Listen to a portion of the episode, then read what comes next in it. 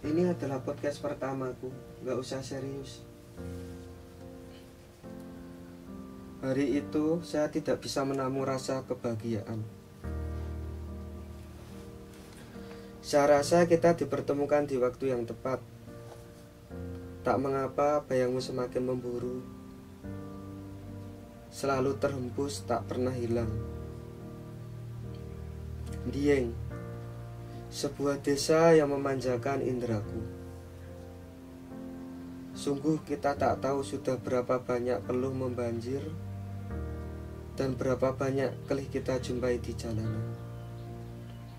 Namun yang pasti kita akan percaya Tuhan tidak tidur Dialah yang mempertemukan musafir dengan wase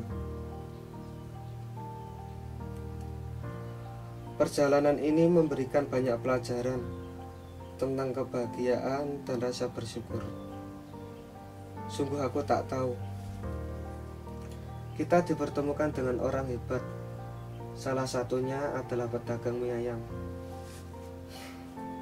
Apakah kamu ingat seorang pengembara dari Wonogiri yang mempertaruhkan hidupnya demi keluarga di Pasar Garu?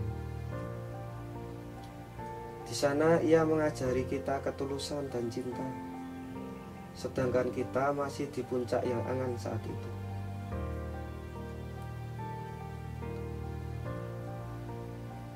Kita sempat bercerita tentang indahnya menua di desa.